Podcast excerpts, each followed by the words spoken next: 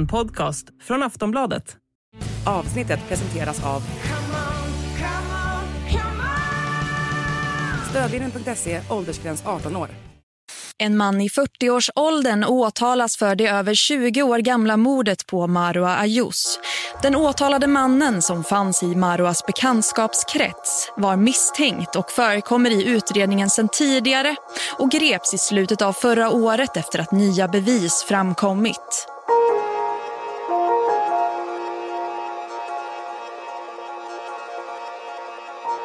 Några dagar före jul 2002 går 18-åriga Marwa hem till sin expojkvän. Sen försvinner hon spårlöst.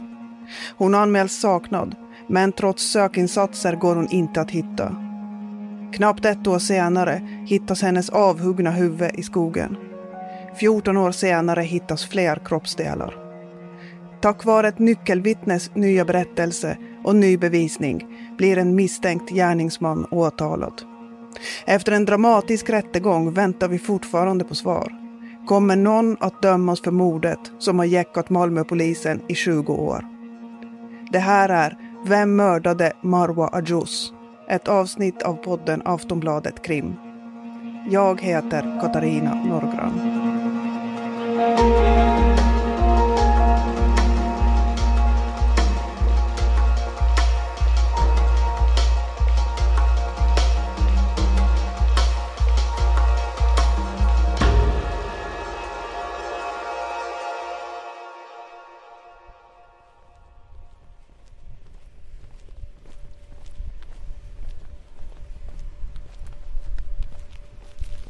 Vi befinner oss i ett industriområde i utkanten av Hässleholm. Det är en dag i början av augusti. De senaste veckorna har varit regniga och nästan höstlika, men idag skiner solen. Vi ska träffa en man som har sitt kontor här i en av de grå industrihallarna. Han ska berätta om en dag han aldrig glömmer.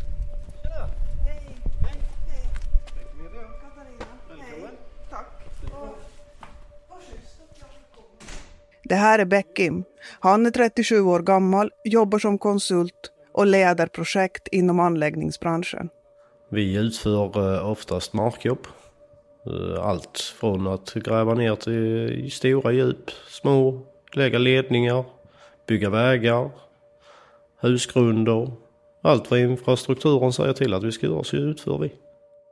Bäckin var arbetsledare för markarbetet på en byggarbetsplats i Nordanå utanför Staffanstorp i Skåne. Där skulle ett villaområde byggas. Nu förberedde de marken för att gator, vatten och avlopp skulle kunna anläggas. Den 3 april 2017 börjar Beckim och hans arbetskamrater jobba som vanligt. Ja, det jag kommer ihåg från den dagen det var att vi samlades på morgonen då, jag och mina killar då. Och vi gick igenom vad de skulle göra. Här var ju en särskild plats för här var ju mycket jord som vi hade upptäckt eh, där. Det var ju inte riktigt med i vår handling att vi skulle göra det ju. Men jag satte igång två maskinister. Den ena skulle ju schakta ur matjorden, den andra skulle ta emot materialet uppe i Bullervallen då som skulle bli ny. Stämningen den här morgonen är precis som vanligt på arbetsplatsen. Kollegorna dricker kaffe och småpratar. Och det var vi överens allihopa så här och glatt och fint som det vanligt brukar vara på morgonen så gick alla iväg och skulle göra. Jag satt ju kvar för jag hade lite kontorsarbete att göra då. Arbetet rullar på som det ska. Men efter ungefär en halvtimme ringer det på Beckims telefon. Det är en av hans kollegor, en av maskinisterna som ringer. Beckim märker snabbt att något är fel. Man hörde ju hans röst att han var jätteskakig. Och att eh, jag måste verkligen komma ut och titta på det de hade hittat. Och då tänkte jag ju för mig själv att äh, det kan väl inte vara så jävla allvarligt. Det kanske är ett rådjurskid då som har trillat i hålet här. För det var ju mycket vatten där vi pumpade konstant ju. Beckim tvekar. Ska han verkligen behöva ge sig ut? Men hans kollegor ligger på. De säger att han måste komma till grävplatsen. Ja, ja, så jag går ju bort då. Och så träffar jag på dem då. De hade gått iväg från maskinerna kanske sen 100 meter. Då stod maskinen still och de två var jätteskakiga och helt vita i ansiktet ju. Beckin frågar vad som har hänt. De svarar att han ska gå bort och titta själv. En av grävmaskinisterna pekar och håller upp handen. Han visar fem fingrar för att förklara att han har räknat något. Och då fick jag ju en liten obehaglig känsla av det i kroppen. Liksom. Så alltså, ja, jag sa, men stanna ni här så går jag bort och tittar. Så gick jag fram då och man såg att det var någonting i grävmaskinens eh, skopa då. Beckim ser tydligt att hans kollegor har fått upp något i grävskopan. Det är något som hänger ut över kanten. Han ser direkt vad det är. Så jag vänder då och går bort till, till maskinisterna då och så säger till dem att ni står kvar här och så ringer jag vad jag ska. Jag ringa runt då. Då är det ju till, självklart till polisen först och främst. Sen är det då till den högsta ansvarige som var på Älmby Elmby då när vi båda var anställda där. Och han säger inte så mycket mer än att du står still där. Vänta tills jag kommer. Det går lite tid. Efter ungefär en timme kommer Beckims chef dit. Då är polisen redan på plats. Och eh, när polisen kommer då är det en civilbil som kommer fram med fyra poliser som är ja, uniformklädda då. Beckin berättar varför han har ringt. Han förklarar vad hans kollegor har hittat i grävskopan och pekar ut var grävmaskinen står. Polisen verkar lite skeptisk och ifrågasätter fyndet. De undrar om han inte har sett fel, om han inte har misstagit sig. Men Beckim står på sig. Han vet vad han har sett. Då var det en som gick ner, eller två, och de andra två stannade med oss. Och eh, när hon stod där nere då, den ena kvinnan kommer jag ihåg, då höll på att titta och röra, om man nu säger så va. Då vände hon sig mot eh, oss då och sa att ja, det konstaterat att det var ju, det var en kropp då.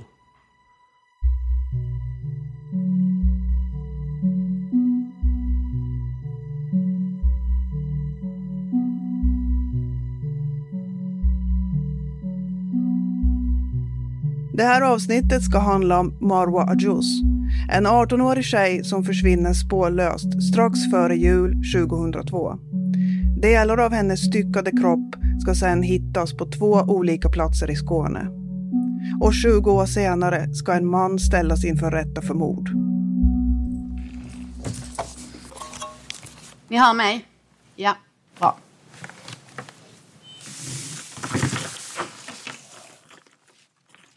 Vi befinner oss i Malmö tingsrätt. Det är en onsdag i början på augusti. I sal 13 inleds rättegången mot en 42-årig man som står åtalad för mordet på Marwa. 2002 var den här mannen 21 år gammal och hade nyligen haft en relation med Marwa. I fortsättningen kommer vi att kalla honom för Viktor. Nej, nej, aldrig. Viktor har i alla år nekat till att ha någonting med Marwas död att göra. Nu sitter han i rättssalen bredvid sin advokat Jesper Montan. Viktor är klädd i svart t-shirt och svarta mjukisbyxor. Han sitter med ryggen mot åhörarplatserna och vilar armbågarna på bordet. Marwas pappa och bror tycker det är obehagligt att sitta i samma rum som mannen som misstänks ha dödat deras dotter och syster. De följer därför rättegången i ett angränsande rum. Efter lite formalia får åklagaren Thomas Olvmyr ordet. Han inleder med att ge sin version av den händelse som det här målet handlar om. Tack. Då är det en stämningsansökan daterad den 21 juli 2023 där det yrkas ansvar för mord. Eh, enligt följande gärningspåstående har berövat Maria Maroa Ajus livet genom att skjuta henne med ett skjutvapen och eller kväva henne. Det hände i Malmö den 20-21 december 20, 2002. Hade eller hade precis haft ett förhållande med Marua Ajus vid ovan nämnda tidpunkt. När Marua Ajus i hans bostad sköts av honom skottskadades hon och försattes i nöd. I uppkommen situation hade ett ansvar mot Marua Ajus att häva nödsituationen genom att påkalla vård för henne har istället agerat för att hindra Maro Ajus från att få vård och däribland istället för, försökt kväva Maro Ajus. Har i vart fall på så sätt samt genom sin underlåtenhet eh, ge henne hjälp kommatecken omgående tillkalla sjukvårdspersonal eller ta henne till sjukhus berövat Maro Ajus livet.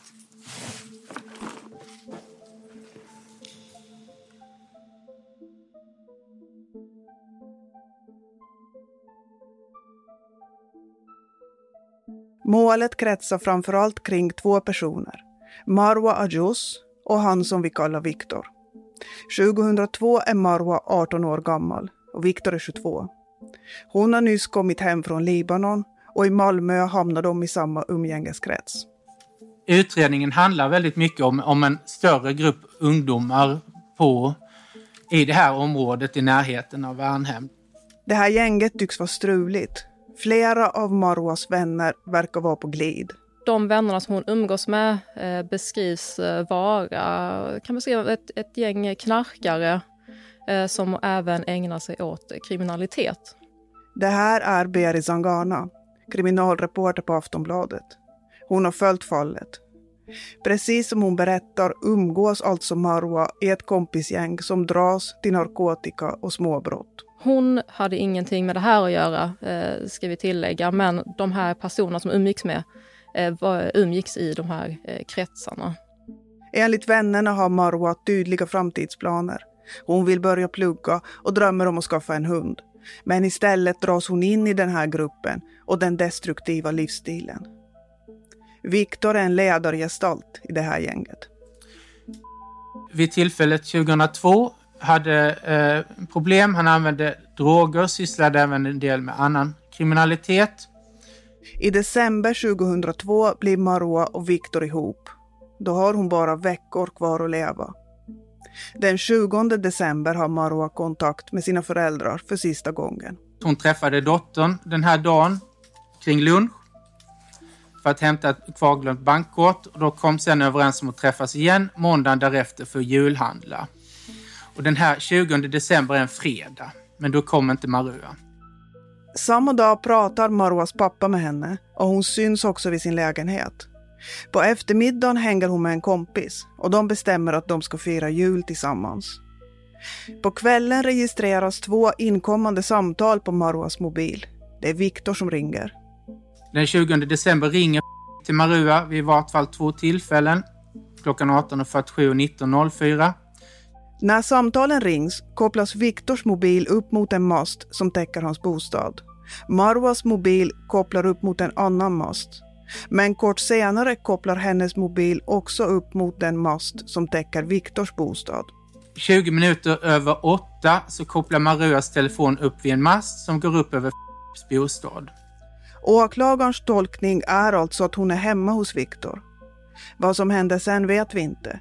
Men efter den här kvällen är Marwa spårlöst försvunnen. Under dagarna som följer växer familjens oro. Ja, precis. Hon försvinner då den 20 december 2002. Då har man förstått att eh, någonting har hänt. Hon svarar inte i sin telefon och anhöriga får inte kontakt med henne. Enligt åklagaren förändras Viktors beteende under de här dagarna. Eh, men hans missbruk eh, kommer också förvärras i perioden efter. Viktor hamnar också i bråk med en av sina vänner, vilket tycks leda till att de bryter kontakten helt och hållet. Och vad jag vill säga med det här är att, att det finns något som vi uppfattar det som att det har hänt någonting traumatiskt här i de här personernas liv. I takt med att dagarna går växer oron. Den 3 januari vänder man sig till polisen. Hon anmäls försvunnen. Sen går veckorna. Eh, och ganska länge är hon försvunnen. Eh, hon... Eh, det, liksom, det inleds ingen brottsutredning där och då med en gång. Det ska ta nästan ett år innan polisen förstår att det här inte bara handlar om ett försvinnande. Ja men då, eh, året därpå, 2003, så är det några svampplockare eh, i, i en bokskog i Torup eh, utanför Malmö som hittar eh, ett huvud, ett kranium, när de plockar svamp. Det är en 31-årig man som gör det makabra fyndet. Under svampduren lyfter han på en sten vid en rotvälta och där under skymtar svart plast. Det är små hål i plasten och där innanför ser han svart hår. Endast en liten del av detta stack upp ovanför marken. I detta läge kontaktas länsvakthavande befäl som rekvirerade tekniker till platsen. Man gör brottsplatsundersökning, transporterar kraniet till rättsmedicin i Lund där det undersöks av rättsläkare. Då. Svaret från undersökningen är tydligt. Det konstateras att det är en människa. Eh, man spärrar även av platsen. Marwa identifieras med hjälp av tänderna. Efter att hon har blivit dödförklarad inleder polisen en förundersökning om mord. Polisens misstankar riktas tidigt mot ett antal personer. Då var det Marwa Ayous expojkvän som häktas och ytterligare några andra vänner till honom. Det här är personer som umgås i samma kompiskrets som honom på den tiden. De grips, de häktas och förhörs. Men kort senare tas ett nytt beslut. De släpps senare. Eh, bevisningen räcker inte eh, och eh, man kan inte väcka åtal där och då. Efter att killarna har släppts avlyssnar polisen deras telefoner. Av avlyssningen framgår bland annat att polisutredningen diskuteras, olika personers delaktighet eh, diskuteras väldigt, väldigt vagt ska jag säga. Man diskuterar att Maröas familj vill hämnas. Men i de avlyssnade samtalen framkommer inget som räcker för att gripa killarna igen. Utredningen stannar av och inga genombrott görs. Sen går åren. Viktor flyttar från Malmö och han tycks skapa sig ett nytt liv. Efter det här så flyttar den här mannen från Malmö till Västsverige där han börjar ett helt nytt liv. Han startar en egen firma eh, under åren och eh, har även eh, fått ett barn. Så under 20 år har han ju då lämnat det här livet i Malmö bakom sig och då flyttat till Västsverige. Och så hade det kunnat förbli. Men 14 år efter mordet görs ett nytt fynd. Eh, och det är ändå en anmälan från den 3 april 2017. Eh, patrull eh, beordras till en byggarbetsplats i Nordarno med anledning av en funnen avliden kropp. Och vid tillfället var det okänt vem den avlidne är. Man spärrar av den här platsen då.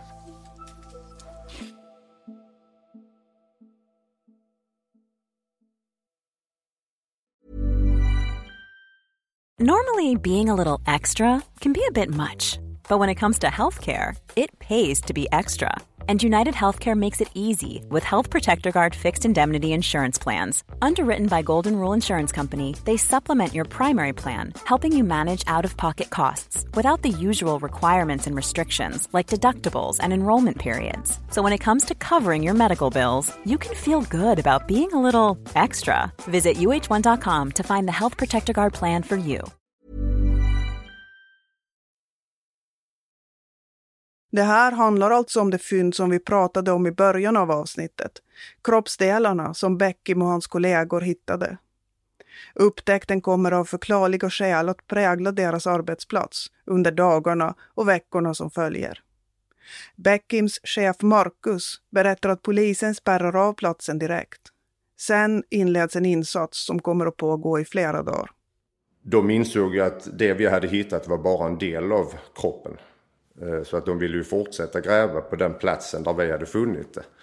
Eh, och eh, de undrade om vi kunde hjälpa till med det. Och det var ju lite svårt att begära det av de maskinförarna som hade gjort det. Så att vi hjälpte dem att hitta en annan chaufför som kunde köra de maskinerna vi hade på plats. Så att dagen efter detta sen så hjälpte vi polisen i ett par dagar att gräva efter. Under det här grävandet hittas fler kroppsdelar. Samtidigt får Marcus, som är ansvarig chef, nu hantera en situation som han aldrig hade föreställt sig att han och hans medarbetare skulle hamna i. Stämningen var ju som man kunde ta på den. Liksom. Det var ju väldigt konstig känsla på hela arbetsplatsen och eftersom den stängdes ner hade vi ju ingenting att göra. Eh, och eh, vi, jag var då i det skedet när jag drev det jobbet som platschef var jag anställd på ett litet större entreprenadbolag. Och vi hade ju rutiner för hur man skulle hantera kriser och liknande. Men en sån här rutin fanns ju inte eftersom vi hade inte upplevt något sånt tidigare. Så vi fick ju köra lite på egen känsla och eh, samlade all personal direkt efter det hade hänt. Och så umgicks vi hela den dagen i lugn och ro i, på en bit ifrån arbetsplatsen och åt mat och prata och, och lite sådana grejer. Och sen när kvällen närmade sig och alla, vi kände att alla var i balans så, så eh, lämnade vi och så bestämde vi att vi träffades dagen efter och då hade vi kontrakterat en psykolog som hjälpte oss och tog hand om all personal och sånt. Det går några veckor. Polisen häver till slut avspärrningen och Beckim och hans team får återvända till arbetsplatsen. De ska fortsätta att gräva och se till att allt blir klart så att man sen ska kunna bygga hus på platsen. Men innan de hinner börja gör de ett kusligt fynd. Jag tror det var typ, kan det varit en månad, en halv kanske efter att vi eh, hade hittat detta som vi fick samtal av polisen att vi fick gå tillbaka. Och då, eh, ja då ville ju hela gruppen som var kvar där då liksom att vi skulle gå upp tillsammans liksom och titta på det. Och är det någonting så får de ju liksom berätta och lätta på sig. När vi kom till platsen så låg där, det stod en sån här, eh, vad ska man säga, kinesisk porslin. Alltså man såg att det är exakt som en sån här kinesisk porslin. Vet, typ som en, deras dress är ju. Där var inget huvud på den. Och den stod exakt på samma ställe som vi hittade kroppen. En porslinsstatyett som ser ut som en asiatisk kvinna klädd i kimono står bland jordmassorna. Någon har brutit av huvudet på den lilla porslinskvinnan. Så eh, vi ringde polisen, eller jag ringde polisen då och så berättade jag för dem vad vi hade hittat och jag hade frågan dem då, har ni rört det? Nej vi har inte rört någonting, vi såg det och det är därför vi har inte gått in mer än vad vi skulle göra. Ja det är bra. Och sen kom ju polisen och hämtade statyn och så. Ja sen har vi inte hört någonting mer efter det.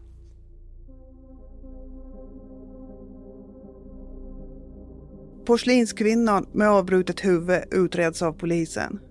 Åklagaren kallar statyetten för en porslinsgeisha. Sen så anträffar man också senare, och det, jag ska inte lägga så jättemycket tid på det, man, men man anträffar på den här byggarbetsplatsen en, en porslinsgeisha.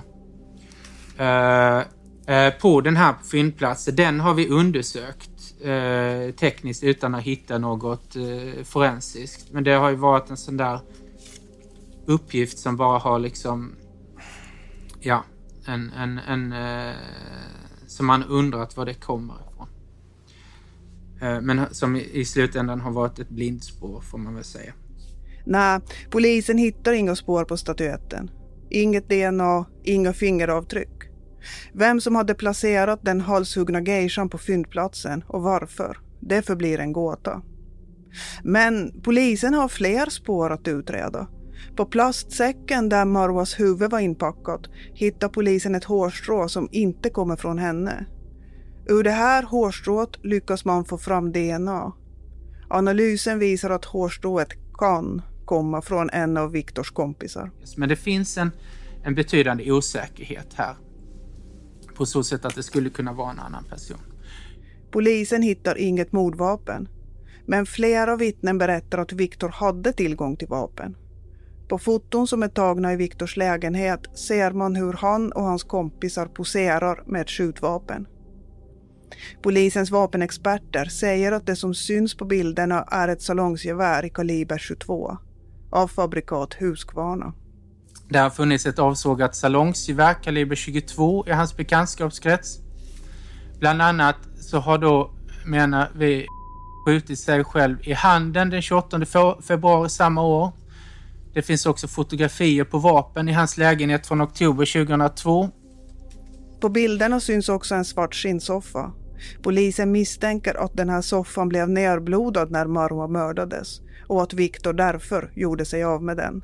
Jag menar att utredningen visar att eh, den svarta skinnsoffan som har stått i lägenhet kommer att försvinna efter julhelgen. Eh, det finns eh, även uppgifter om att den här lägenheten målas om. Polisen genomsöker Viktors lägenhet med kriminalsökhundar och likhundar i flera omgångar. Hundarna reagerar på någonting på golvet i hans kök. Två hundar då, är två olika hundar som då är tränade att bara markera på eh, lukt eller vätska från avliden människa har markerat år 2003 respektive år 2017 på delar av köksgolvet. Enligt åklagaren pekar det här på att någon har avlidit i lägenheten. Om, om likhundarna har markerat på ett golv som har lagts 2002 eh, så bör det vara från en, en person som är avliden eh, kring eller efter att det golvet har lagts. Golvet har analyserats men man har inte hittat några spår av blod eller några spår som kommer från Marwa. En kvinna, som är mamma till en av killarna i gänget, säger till polisen att det var expojkvännen som sköt Marwa. Kvinnan ska även ha hört att expojkvännen av citationstecken misstag råkat skjuta Marwa. Och kvinnan har då kännedom om det här då hennes son ska ha umgåtts i samma kretsar som den här expojkvännen. Flera vittnen pratar om att Marwa ska ha blivit skjuten. Då bestämmer man sig i Kalla fall för att ja, men vi har ändå uppgifter om att Marwa just eh, har blivit skjuten. Polisen låter analysera Marwas halskotor. I benbitarna hittas spår som stämmer överens med vittnenas berättelser om vad som ska ha hänt. Åklagaren fortsätter. För man kommer hitta blyrester på den tredje halskotan.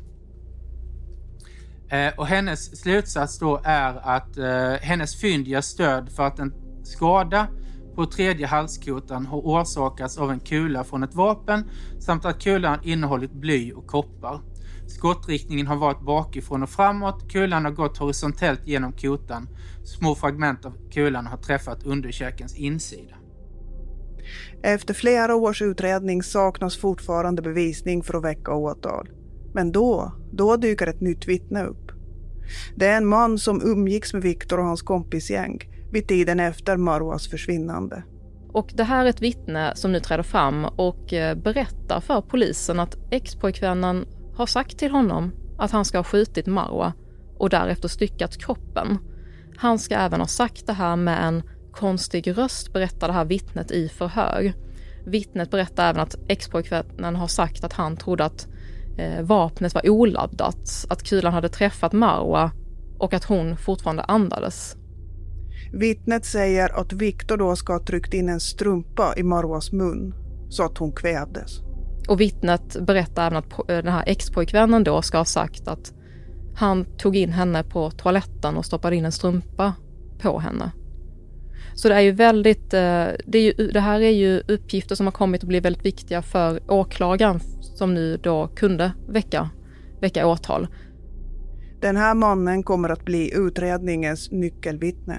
Eh, när man läser utredningen så ser man att det här vittnet berättar väldigt specifikt. Det är väldigt eh, detaljerat hur den här expojkvännen då ska ha sagt det här till honom. Vittnesmålen i kombination med de bevis som finns gör att ärendet till slut kan tas upp i rätten.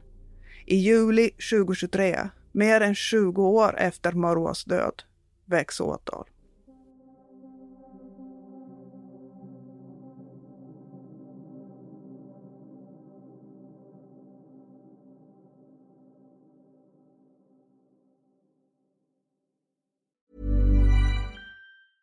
Ryan Reynolds here from Mint Mobile. With the price of just about everything going up during inflation, we thought we'd bring our prices down.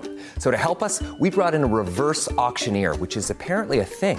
Mint Mobile unlimited premium wireless. Ready to get 30, 30, bit to get 30, bit to get 20, 20, 20, bit to get 20, 20, bit to get 15, 15, 15, 15 just 15 bucks a month. So, Give it a try at mintmobile.com/switch. slash $45 up front for 3 months plus taxes and fees. Promo rate for new customers for limited time. Unlimited more than 40 gigabytes per month slows. Full terms at mintmobile.com.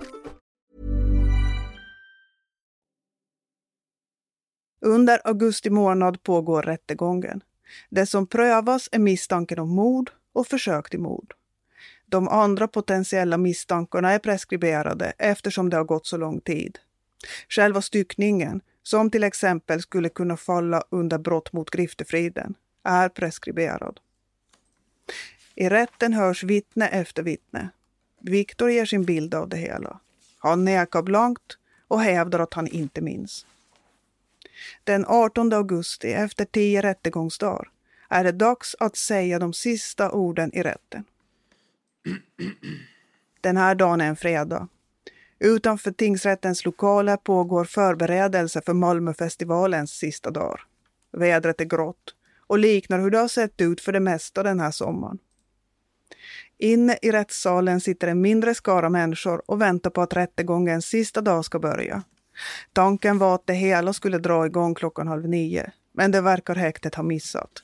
Så Viktor är inte på plats. Ja, hej, detta var Sara från Malmö tingsrätt. Det är så att en person eh, som sitter häktad hos er skulle ha inställt sig här 8.30, men det är ingen här. Efter 15 minuters väntan öppnas en dörr och Viktor kommer in i salen. Nu händer det saker. Jag ber om ursäkt för förseningen. Ja, nu kommer hon. Bra, tack. Tack. Han är även idag klädd i svart t-shirt och svarta byxor. Han sätter sig bredvid sin försvarare Jesper Montan. Strax därefter får åklagaren inleda sin slutplädering. Ja tack. Ja, det är ju en ganska omfattande utredning vi har gått igenom här och man skulle kunna sitta och prata om det här i säkert en dag. Men jag tänker ändå försöka fokusera det här på den utredningen vi faktiskt har. Inte så mycket fokusera på vilken bevisning vi inte har. Det är en lång lista av saker som ska gås igenom. Saker som enligt åklagaren pekar på att det är Viktor som har dödat Marwa. Steg för steg lägger åklagaren fram sitt case. Telefonsamtal och mastuppkopplingar som pekar på att Marwa dog på kvällen den 20 december. Telefonlistor som visar att en vän ringer flera gånger till Marwa under kvällen utan att hon svarar. Trots upprepade telefonsamtal. Ett samtal kan man ju möjligen missa, men fyra samtal missar man kanske inte. Varför svarar Marwa inte i sin telefon? Åklagaren lyfter även andra detaljer som pekar på att Viktors lägenhet är den sista plats som Marwa vistas på. Hypotesen är alltså att det är där hon blir mördad. En faktor som lyfts fram är att likhundar har markerat två gånger i Viktors lägenhet. Här har vi haft två stycken likhundar som bägge har markerat på samma plats i köket. Enligt det här NFC-yttrandet så skulle det vara 43 gånger mer sannolikt att hela eller delar av en avliden person funnits där i köket än motsatsen. Vidare pekar åklagaren på de vittnen som lämnat uppgifter i fallet. De vittnesuppgifter som vi har berättat om tidigare i avsnittet. Här verkar åklagaren vilja invända mot att det här skulle handla om lösryckta historier och rykten. Sen kommer vi då till olika personers uppgifter. Jag föreställer mig att försvararen eh, kommer att prata om att det har varit väldigt mycket rykten och andrahandsuppgifter. I någon mån har det funnits mycket rykten om, eh, om, om, om eh, sväng, det håller jag med om. Men det är inte ryktena som åklagaren vill framföra utan åklagaren vill framföra den lämnande av information som har skett. Nej, enligt åklagaren handlar det om trovärdiga vittnesmål som bland annat gäller saker som Viktor själv ska ha berättat för personer. Så det är inte rykten som åklagaren för fram här. Det är personer som har fått uppgifter huvudsakligen från direkt. Stora delar av pläderingen ägnas också åt att hänvisa till andra rättsfall för att visa hur domstolar har dömt i liknande mål. Bit för bit läggs till pusslet som enligt åklagaren ger en entydig slutsats. Slutsatsen menar jag ju då blir att det är styrkt att den 20-21 december i sin lägenhet skjutit Marwa med ett skjutvapen bakifrån i hals huvudregionen. Enligt åklagaren motsvarar brottet ett straffvärde på 10 års fängelse utifrån 2002 års straffskala. Men eftersom det har gått mer än 20 år sedan brottet så menar åklagaren att straffet ska sänkas med några år. Jag menar att straffvärdet här ska reduceras med två och ett halvt år. Så då blir ju åklagarens yrkande fängelse om sju och ett halvt år. Efter åklagaren får målsägande biträdet Vlora Tamté ordet, hon som representerar familjen. Hon lägger särskild vikt vid hur det här har präglat familjens liv under alla dessa år. De har levt i ovisshet om vad som har hänt. På måndag den 21 augusti skulle Marwa ha blivit 39 år. Högst sannolikt så skulle hon ha firat sin födelsedag imorgon. Hon kanske hade firat med egen familj bestående av man och barn tillsammans med föräldrar, syskon och syskonbarn. Hon kanske hade firat födelsedagen på sitt eget sätt i sann Marwa-anda och gå ut och dansa hela natten. Marwa berövades alla möjligheter och chanser i livet när dödade henne. Hon var 18 år. Hon fick aldrig chansen att leva sitt liv med allt det som livet hade erbjudit henne på resans gång. Efter en kortare paus får till slut Viktors försvarsadvokat Jesper Montan ordet. Om åklagaren ägnade sig åt att lägga ett pussel bit för bit ägnar sig advokaten istället åt att plocka isär det. Bakgrunden till detta är ju att vi egentligen inte vet vad det är som har inträffat. Eh, och det finns en mängd olika hypotetiska händelseförlopp som åklagaren har eh, spelat upp. Där flera av dem kan vara minst lika troliga som någon annan. Eh, gärningsbeskrivningen speglar här, tycker jag, eh, detta genom att vara ganska vag och spretig. Enligt advokaten håller bevisningen helt enkelt inte för en fällande dom. Och det finns väldigt många olika sätt som man kan ogilla det här åtalet på. Och det gör också att det är ganska svårt att plädera. Det blir spretigt eh, kanske och det ber jag om ursäkt för. Men det är därför att bevisningen brister på så många punkter och man kommer ingen vart. Det slutar med återvändsgränder som man kan så att säga eh, stoppa i många olika lägen. Advokaten säger att åtalet är tunt, bland annat på grund av bristen på tekniska bevis. Så vad har då åklagaren för direkt bevisning? Ja, han har ingen direkt bevisning. Han menar dessutom att de vittnesmål som åtalet till stor del bygger på inte ska tillmätas något större värde. Åklagaren har ju då inte något vittne som påstår sig ha sett det inträffade. Det har vi varit inne på tidigare. Eh, det finns inget åsyna vittne alltså, men här finns väldigt många vittnen. Och bevisvärdet av vad de här vittnena säger, det varierar, men genomgående skulle jag vilja säga att det är utomordentligt lågt. Framförallt går advokaten hårt åt nyckelvittnet. Han som trädde fram 20 år efter mordet och berättade att Viktor erkänt för honom. Jag vill börja med att säga att eh, det här bevisvärdet av hans berättelse är utomordentligt lågt. Och varför är det då så? Jo, 1. Generellt bör man vara utomordentligt försiktig med uppgifter som lämnas till polis först närmare 20 år efter en händelse har inträffat. Enligt advokaten är nyckelvittnets berättelse inte pålitlig. Bland annat eftersom han under dessa 20 år har kunnat läsa och höra saker om fallet som kan ha påverkat hans minnesbilder. Ja, eh, slutsatsen i bevisningen är, är helt enkelt om man tittar på den för sig så är den så svag att den inte medger några slutsatser, säkra slutsatser och då, då får man ogilla åtalet. När åklagaren och advokaten är klara med sina slutpläderingar ska tingsrätten ta beslut i häktningsfrågan. De ska bestämma om Viktor ska sitta kvar i häkte i väntan på dom eller om han ska släppas fri. Det är ett beslut som inte nödvändigtvis behöver säga något om vad det blir för dom. Men ibland kan det ge en indikation. Om den misstänkte släpps på fri fot kan det tyda på att en friande dom är att vänta.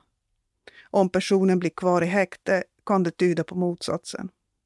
Efter några minuter säger domaren. Och med det sagt så skulle detta betyda att eh, förhandlingen är avslutad och det är lunchdags eh, och tingsrätten har för avsikt att påbörja överläggningen idag i eftermiddag efter lunchen eh, och ett beslut eh, som eh, gäller dagen för domens meddelande och häktningen eh, kommer senare i eftermiddag.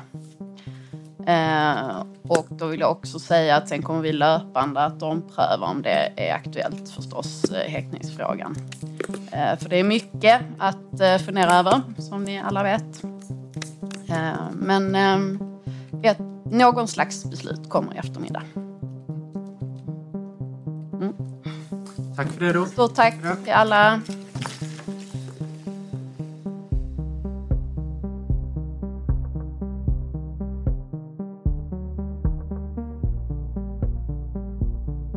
Några timmar senare meddelar tingsrätten sitt beslut. Viktor släpps i väntan på dom. Vad det beslutet betyder, det vet vi inte. I många fall kan det tolkas som att den misstänkte kommer att frias. Men om det gäller i det här specifika fallet, det går inte att svara säkert på förrän domen kommer. Försvarsadvokaten argumenterade i rätten för att hans klient skulle släppas i väntan på dom, oavsett utgång i fallet.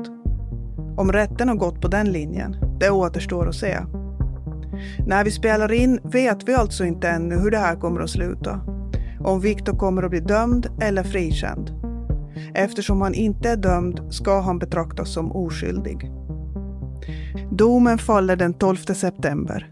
Då får vi veta om det blir det avslut som Marwas familj väntat på i över 20 år. Beri Sangana, reportern som vi pratade med tidigare i podden, berättar att familjen ännu inte har begravt Marwa. De vill inte göra det förrän de har fått svar på sina frågor. Jag pratade med hennes pappa i samband med att den här expojkvännen greps i december 2022 och eh, eh, familjen väntar ju fortfarande på att få kunna begrava sin dotter eh, och sin syster. De har ju inte gjort det här ännu eh, förrän de har fått svar. Vad var det som hände eh, deras dotter, deras syster?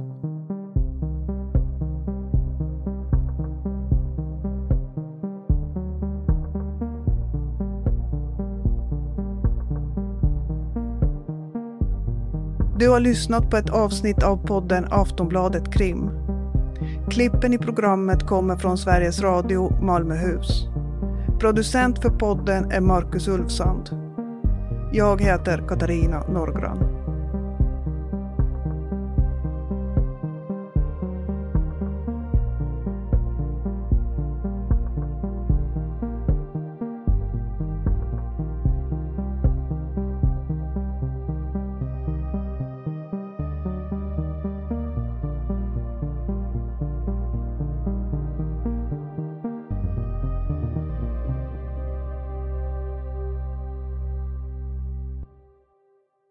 Du har lyssnat på en podcast från Aftonbladet. Ansvarig utgivare är Lena K Samuelsson.